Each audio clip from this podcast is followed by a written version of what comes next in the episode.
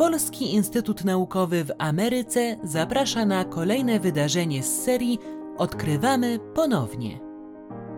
Prezentujemy wybrane archiwalne materiały przechowywane w kolekcjach Piasa w Nowym Jorku i będące polskim dziedzictwem kulturowym na obczyźnie. Materiał powstał na potrzeby zadania kontynuacja opracowania, digitalizacji i promocji zbiorów Piasa dofinansowano ze środków Ministra Kultury i Dziedzictwa Narodowego Rzeczypospolitej Polskiej.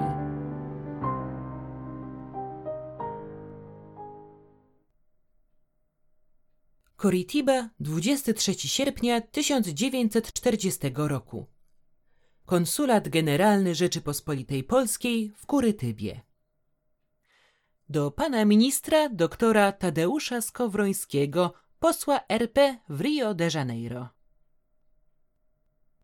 Stosownie do polecenia pana ministra w sprawie przyjazdu poetów Tuwima i Lechonia, pozwalam sobie rzucić kilka uwag odnośnie formy wykorzystania ich przewidzianego pobytu w Paranie.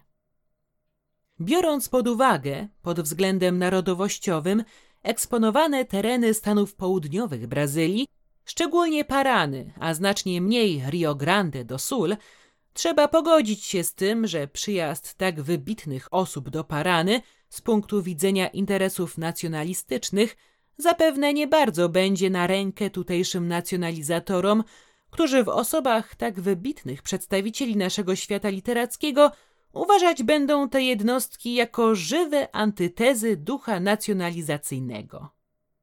Dlatego trzeba będzie zachować odpowiednią ostrożność Jakkolwiek przyjazd ich na teren z punktu widzenia zainteresowań polskich, my znów uważać musimy za konieczny. Tak się zarysowują sprzeczności zainteresowań naszych i Brazylian w tutejszych stronach Brazylii.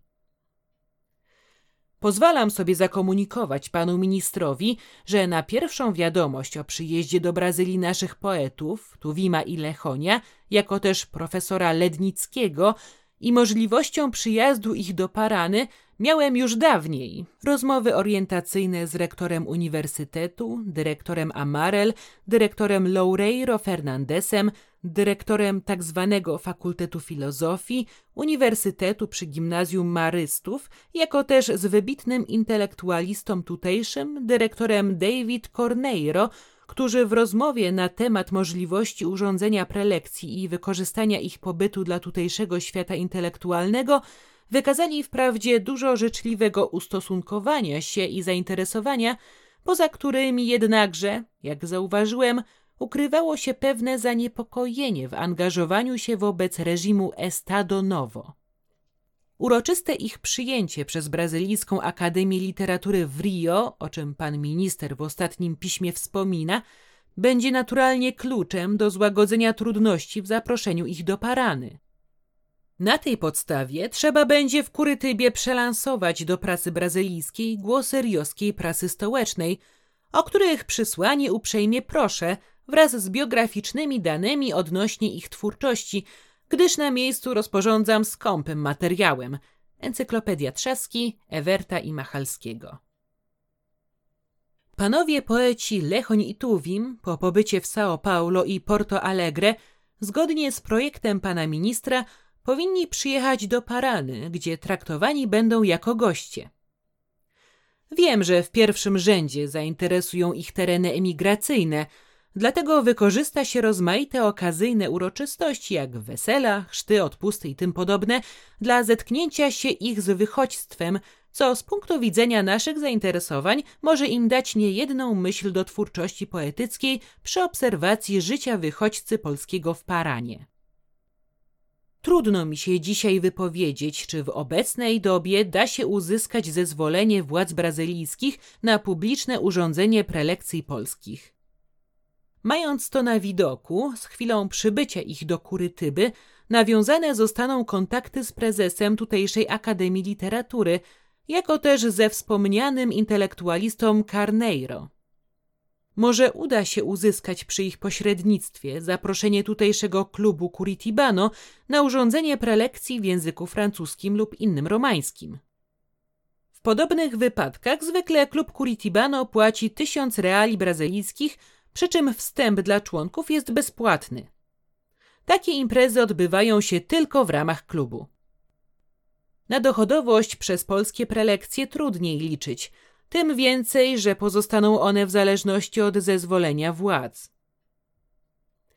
Nie mając punktu oparcia w żadnej organizacji polskiej, wobec niezarejestrowania ich jeszcze, trudno zrealizować prelekcje dla szerszego ogółu polskiego, a wykorzystanie dla tej sprawy konsulatu ograniczy się do zaproszenia kilkudziesięciu osób i to jako gości, wskutek czego odpadnie znów strona finansowa.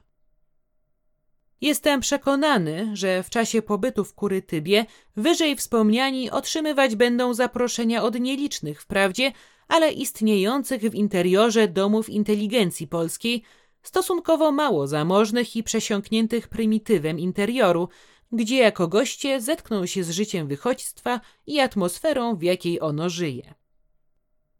Przewidując mały dochód z tytułu ich polskich prelekcji, a mając jednocześnie na uwadze konieczność ich pobytu, a przynajmniej przyjazdu poety Lechonia na teren Parany, uważam, że na miejscu uda się wśród tutejszych wybitniejszych Polaków anonimowo zebrać na ten cel kilkaset mil rejsów z tytułu prelekcji w konsulacie, którą to kwotę wręczyłbym dyskretnie prelegentowi.